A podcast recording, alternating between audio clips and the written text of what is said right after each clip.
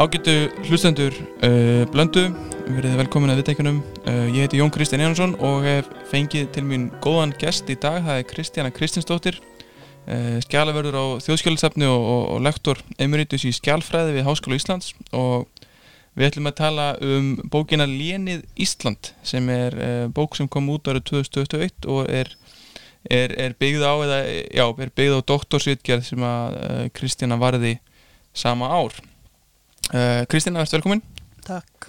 um, Þetta er nú rannsókn sem á sér nokkur aðdragandi ekki sett stóði yfir, stóð yfir langan tíma. Já. hvenar, hvenar hóst hún, okkur fórstu að, að, að pæla í Já, Íslandi sem léni? Upphafið er raun að veru hérna, kantmakriðger mín sem var um léns reikningana og Svembi Drafsson var leiðbynandi minn. Hann eiginlega fann, fann upp á þessu eins og það stendur. Og svo náttúrulega bara láð þetta til hliðar lengi. En hægt og rólega svona fór maður að skoða þetta aftur og fara út og skoða á söpnum og slíkt. Þannig að þetta er endingin Já. en, endurinn. Og hérna og þú ert sko, nálgunin í þessari rítgerð er, er skjálfræðileg Já. og, og hérna það eru Já. háfum Já, uh, getur aðeins líst því? Hvers, hver, hvers kynns eru er, eru skjálfræðilegar rannsóknir og hverju munur á þeim og hefðbundum sakfræðar rannsóknum ég, út af fyrir sig er þetta alveg hefðbundin sakfræðiransó en ég nota skjálfræðina á þann hátt að þarna við síðaskiptin þegar konungur hérna, eignast fullt af jörðum á Íslandi og sagt, samfara því þá fyrir hann að safna skjölum og láta búa til skjöl. Og raun að veru tenging stjórnsýslu og skjala er mjög mikil. Þannig að já og í þessari upprunareglu þá þarf maður að vita hvers vegna voru skjölinn búin til fyrir hvern hver eru uppbygging, skjálsins, einkenni og varvislu saga og þannig tryggir í raun og veru ef þú veist þetta um einhvern skjál mm -hmm. svo þú hugsaðlega finnur hún í einhverjum kassa hm, í einhver samhengi þá getur raun og veru ekki nota það skjál sem heimild Mm -hmm. nema kynna þér hver er upprinni þessa skjáls og það er raun og veru þannig get ég endur skapað skjálasat bestastaða að því ég er búin að skoða fullt af skjölum Mm -hmm. Og spyrja þessara spurninga Mm -hmm. og komist að þeirri niðurstöðu að þessi skjöl eiga heima í skjálasafni bestastaða og urðu til á tíma lénsmanns eftir síðaskipti og til 1683 þegar Ísland verður á. Þannig að, já, Akkurat. Svo langaði mig að byrja að, að hérna, beða þeim að útskýra hans fyrir okkur sko, stöðu Íslands innan uh, dans, danska ríkisins á þessum tíma hvað, hvað þýðir það að vera lén? Hvernig er danska ríki samansett á þessu tímambili sem að þú ert að skoða?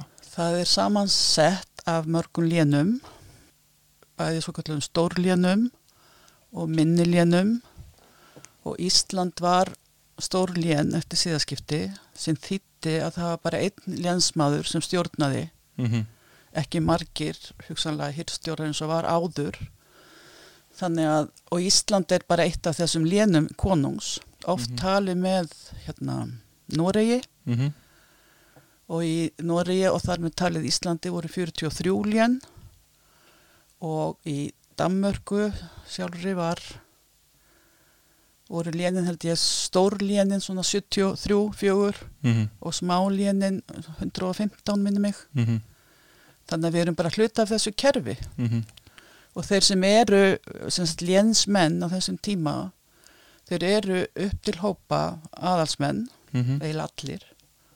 Og lénin voru ímið svo kalluð afgjaldslén, reikningslén eða hérna, þjónustulén og í afgjaldslíni að þá tók lénsmaðurinn lénið á leigu og borgaði ákvæmna upphæð fyrir.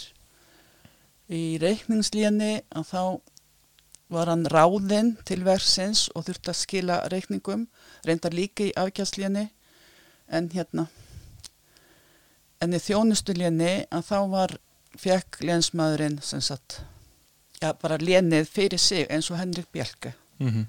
hann var, fekk það að hann var náttúrulega hérna hátt settur hjá kongi Mm -hmm. og hann var bara með hérna lénið í kaup hann borgaði ekkert sko Nei. til konungs. Og hann er síðast til lensmaður já, og, og hver er sko og ég held að þegar margir heyra orðið lén þá fara það að hugsa um einhvern svona miðaldasögu og um lénskipulæð og eitthvað svona. En hvað er, hvað er lén? Lén? Er náttúrulega bara afmarkað landsvæði eins og Ísland. Með á þessum tíma allavega einum sem stjórnar Mhm. sem er yfir og er milli liðurinn milli landsmanna þar og konungs. Mhm. þannig að og ég menn ég kalli þetta lén ég veit að þetta hefur verið kallað sko hýrstjóri, höfusmaður, bífalningsmaður Mhm. og fleira og fleira en hérna Danir tala um lén og lénsreikninga þannig að ég taldi það bara rétt að nota það orðið líka Akkurat, akkurat, en ég tel upp í bókinu öll hinn heitin akkurat einmitt. Já. En sko en þessi menn, þessir lénsmenn gáttu nú verið svolítið skrautlegir, er það ekki? Þetta eru aðalsmenn. Já. Og eini sem var ekki aðalsmaður hann hétt Jens Söfrensen. Mm og hann var með landið, þá var landið sko reikningslén. -hmm. þannig að hann þurfti að skila sem sagt öllu til kongs og fekk bara kaup. Mhm. en, en henni voru aðalsmenn danskir, norskir þískir Mhm. og þetta voru bara svona kannski þurfti þeir að vera með einhverja æfintýra mennsku í sér að sigla til Íslands ég veit það ekki en, en ég minna Ísland var ekkit lengra frá hérna kaupmannahöfn en kannski Stavanger eða eitthvað í Noregi sko Nei, en eru þeir vel liðnir?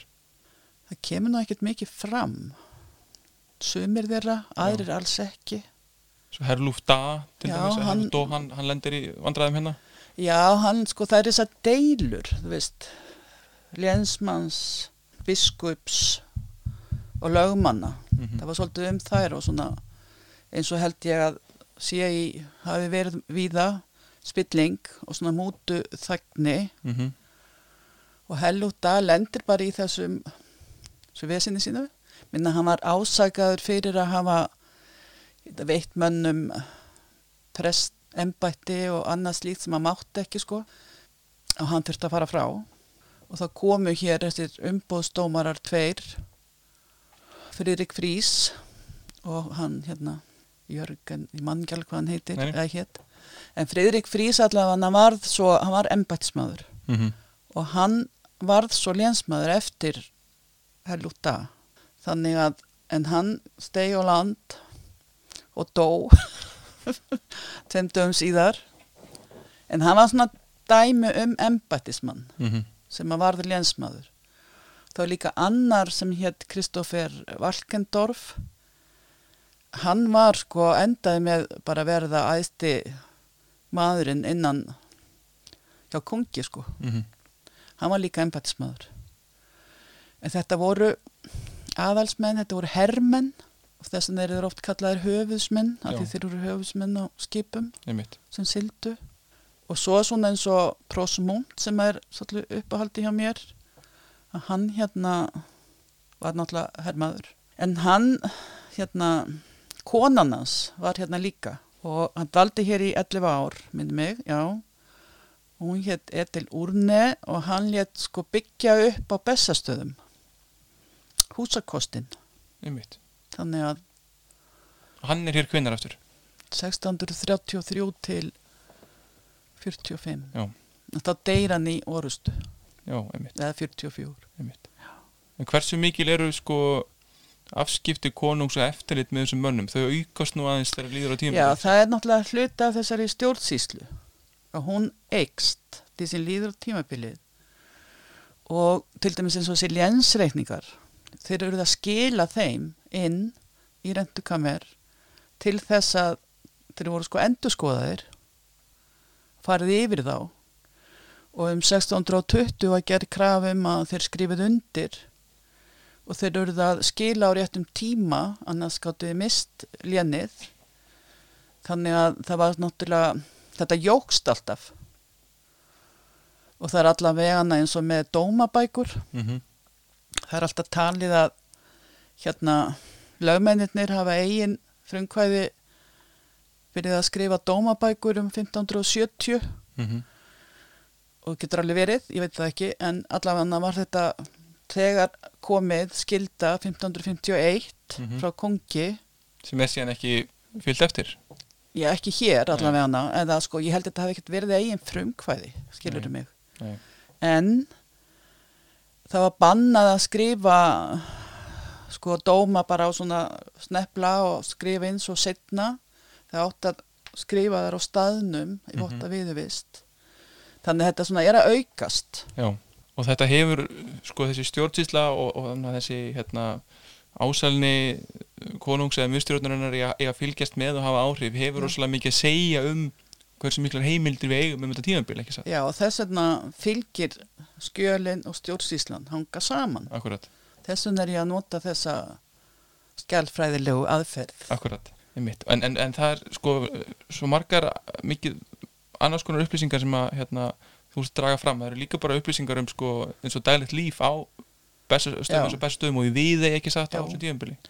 Það er vegna þess, eða það er hægt vegna þess að þegar að landi var reikningslén með Jens Söfrensen 1645 til 8 þeir reikningar eru meiri heimild þetta en afgjaldsreikningar Mm -hmm. það stendur meiri í þeim vegna þess að hann þurft að færa allt inn og hann sem sagt borgar fólkinu laun og þetta kemur allt fram Mhm. það er reikin þarna útgerð Fjöldi manns í vinnu. fjöldumanns í vinnu og hverjir voru skipstjórnamennir og það eru nöfnin þeirra og hvað er borðuðu og hvað var bústofnin og margar kindur og kýr og allt það sko. Mm einmitt. Þannig að þeir reikningar eru mjög merkilegir finnst mér og þetta hinn er líka en sem heimild um tímabil sem að fólk veit ekkert mikið um. Akkurat.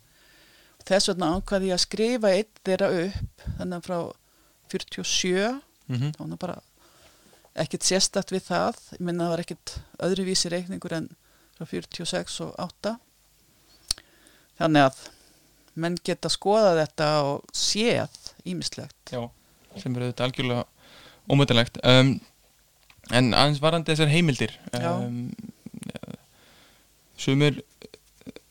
held að margir hefur reynda að lesa margir sakfrængar allavega að reynda að spreita sig í að lesa fljótaskrift og lesa Mm. eldri skrift og svona og hérna bara falla stendur en, Mm. hérna, en þú ert að, með þarna heimildir frá svona tölvört uh, lungu tímabili og alls konar skrift og alls konar tungumál sem þú rekst á. Já, hvernig var, að, hvernig var að eiga við þetta? ég, þetta er bara það getur þetta allir Já, þetta er þólumæði í upphafi. Maður getur ekki lesið neitt. Nei, svo leggur maður það frá sér og, og næst þegar maður kemur þá getur maður lesið tvö orð og mm þú veist þetta er svo leiðis og tungumálið er meira og minna svona íslensku skotin danska eða danska. Já, þú er ekki þurft að eiga mikið við þýskar heimildir Nei, eða eitthvað svoleiðis, ekkert alveg, alveg lausið það, og eða latínu það er ekki heldur. Akkurat. En hvernig sko, þetta er svolítið spennandi finnst mér líka þessi leit sko að vera að leita að skjölum og vera hérna, Já. að búa til að endur, endurskapa skjálasöfn, áttur ykkur svona augnablik á, á skjálasöfnum þar sem þú varst alveg sigri hrósandi? Loksins fannst eitthvað sem þú hefði leitað að lengi eða? Mm, Nei, þetta var ekki svo leiðis ég vissi ekki það hverju ég var að leita en sá sem kom mér kannski á sporið var hann hérna Jón Þorkilsson fyrsti þjóðskjalaverðurinn mm hann var látin gera skrifa skýslu 1903 fyrir alþingi um það hvaða skjöl hefði verið tekin og, eða Átni Magnússon tekið. -hmm. og hann skrifar þessa skýslu og svo færir hann rauk fyrir þessi bók og þessi Mhm. veist, þannig að maður sá að þetta var hægt. Og þannig byrjaði þetta en ég náttúrulega maður veit að maður er að leita að dómabókum maður veit að maður er að leita máltagabókum kirkjunar maður er að leita brefum brefasamskiptum maður er að leita jarðabókum sem er nú kannski það sem þetta byrjar á Mhm. vita hvað kongurinn vildi vita hvað hann átti. Mm þannig að sko og reikningum. Og það eru raun og verið flokkarnir í skjala skráni sem að fylgir þarna með. Akkurat. Og reyndar er líka í því eh, sko skjöl annara embatismanna bara svona til þess að varpa ljósi á sko af því það er ekki það brálaðslega mikið varðvitt þannig lagað Nei, En sko, af hverju fer þetta á þetta flakk? Þetta er, þú nefnir hérna að sko, lénsminn hafi oft litið á þessu skjöl sem svona sína persónulegu eign í staðan Já. fyrir þetta að vera skjöl empatisins. Það var nú þannig í Galata á Já. þessum tíma. En kongur sendir út bref, missífi eða svona lokað bref Mhm. til lénsmenna í ríkinu um að halda skjálasöfnu lénana eftir. Að það gangi ekki að lénsmenn taki þau með sér og skilja ekkert eftir fyrir næsta mann. Þannig að allavega að byrja þetta þá að var skipun Mm En af hverju þetta fyrir að flakk, það er nú bara, ég veit það ekki. Nei, Átni Magnússon er nú vantilega flutt Já, hann náttúrulega tók ákveð, hann tók ekki Já, allt, nei. en uh, sumt og sumt varð eftir á bestastöðum mm -hmm. og svo náttúrulega var hérna þjóðskjálasafni ekki stopnað fyrir 1882, þannig að það var ekkert skjálasafn á þessum tíma Nei, og svo ábyggilega hafa þeir einhverjir farið með þetta út, einmitt. kannski um leið og þeir voru að skila inn uh, reikningunum. Hefur ykkur, hefur ykkur hugmynd um hvort það hafi verið mikið að skjálinsætunni sem að fórst í byrjunum mikla? Nei, ég veit ekki, ég held ekki. Nei, sennilega ekki. Hvernig sko, hvernig ber maður sig að í, í sér leit? Þú ert með þess að skrá frá Jónu Þorkilsinni og er þetta svo bara samskipti við skjálasöfn og uh, Þú náttúrulega leitar bara, já ég minna, ég lá á Ríkskjálasafninu danska mm og í þá tíð var hægt að vinna þar. Það var áður en það var tölvuvætt, veitna, sem maður finnur ekkert núna. En þá bara satt maður og fletti skrám -hmm. og pantaði það sem var líklegt. Stundum var það ekkert líklegt. einmitt. En stundum fann maður eitthvað sem ég, mér er nú ekki vel við að segja að maður finni skjöl á skjálasöfnum. Nei, Maður rekst kannski á þau en En hérna, já, þannig bara byrjaði þetta og svo á átnasafni og á handritadeildinni og landsbókasafni mm og náttúrulega á þjóðskjálasafni. Þannig að hægt og rólega fór að koma einhver mynd á söfnin, -hmm. eða safnið, já. einmitt. En sambandi við stjórnsýsluna þá detti mér í hug sko að því ég nefndi þarna 1593 að þessi fyrirskipin frá kongi hefði komið. En þá einhvern veginn á Ísland allavega hana hérna þeir fengu innsigli. 1550 Íslandingar og þeir týndu því. Þannig að þeir báðum nýtt innsigli 1592 og fengu það og það er ennþá varveitt þoskurinn platti og, þeir báðu um hérna alþengi skrifara sem er náttúrulega skiptir máli. Mm -hmm.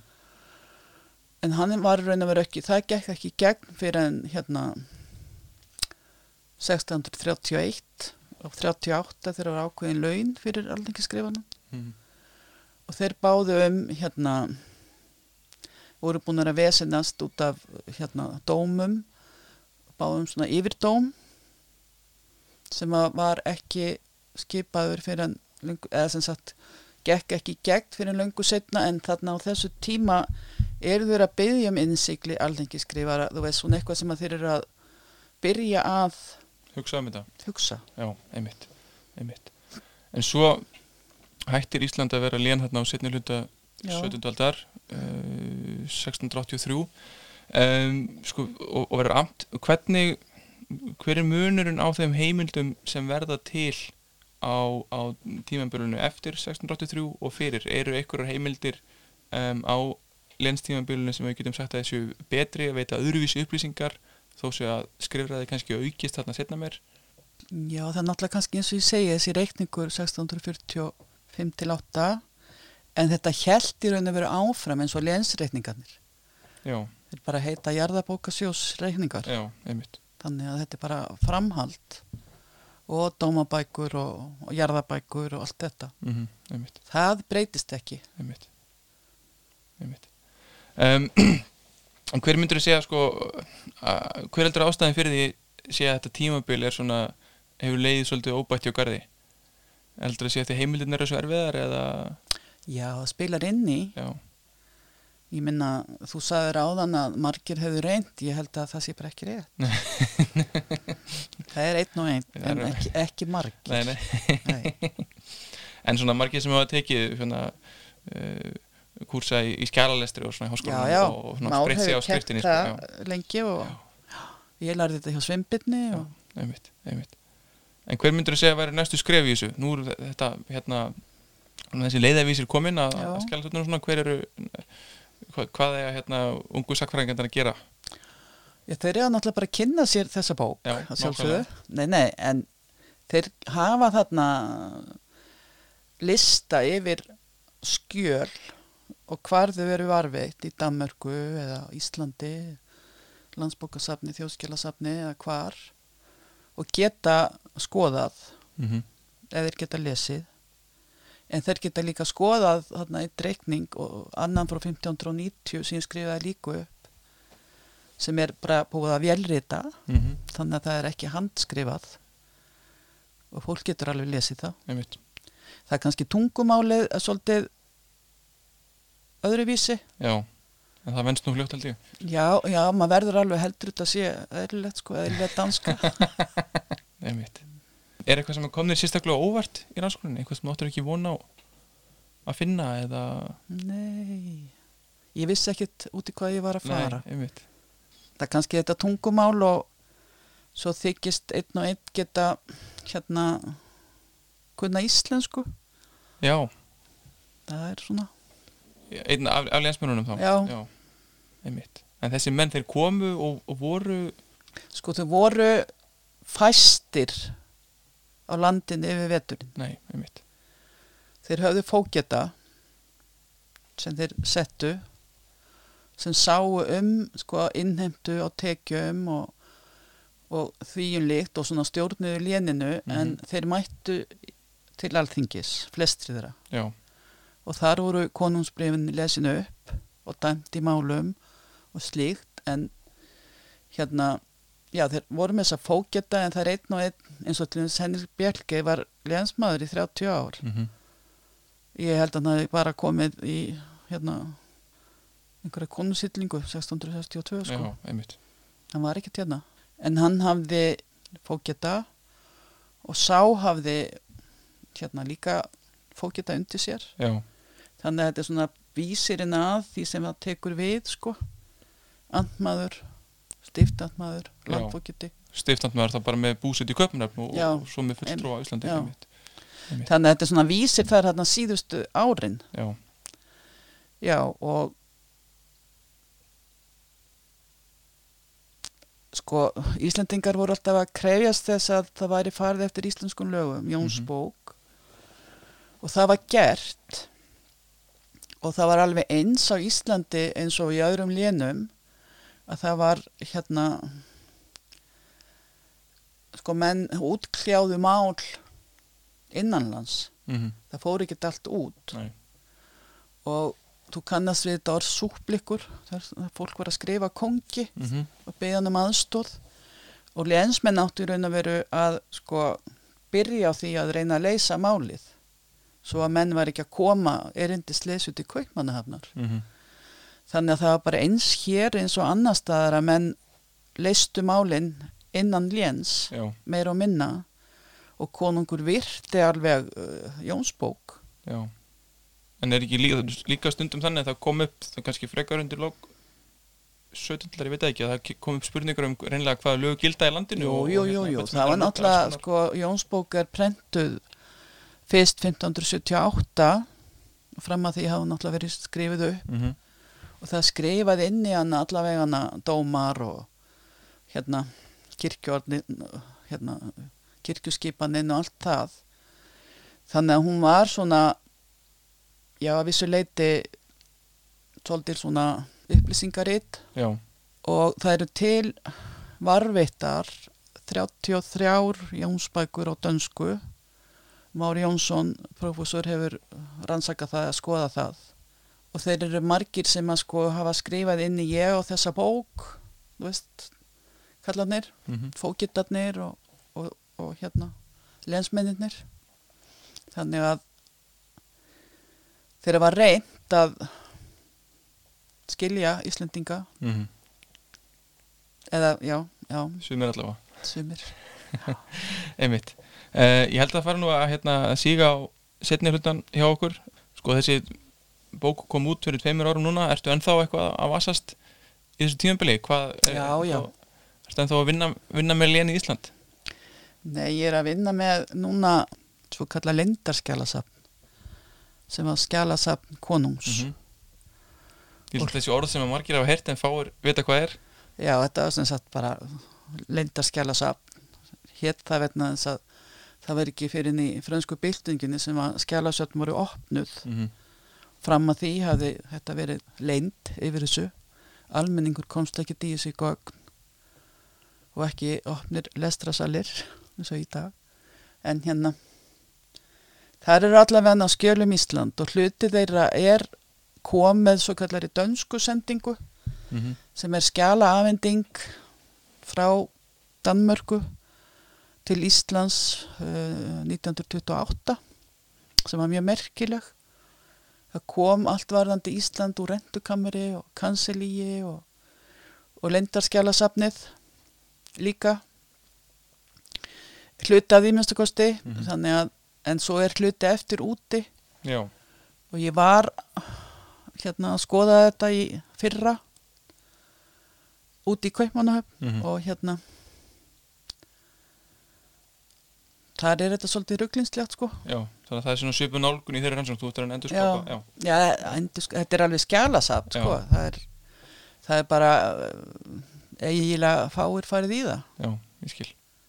þannig að ég veit ekkert hvað ég kemst áfram með það en þetta er svona í bíkjarð allavega Einmitt, já, akkurat.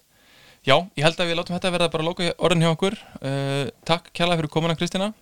Við hérna hvetjum alla til að kíkja á Leni Ísland og, og býðum spennt eftir uh, nýjum upplýsingum um, um leindarskjálasamt. Takk fyrir.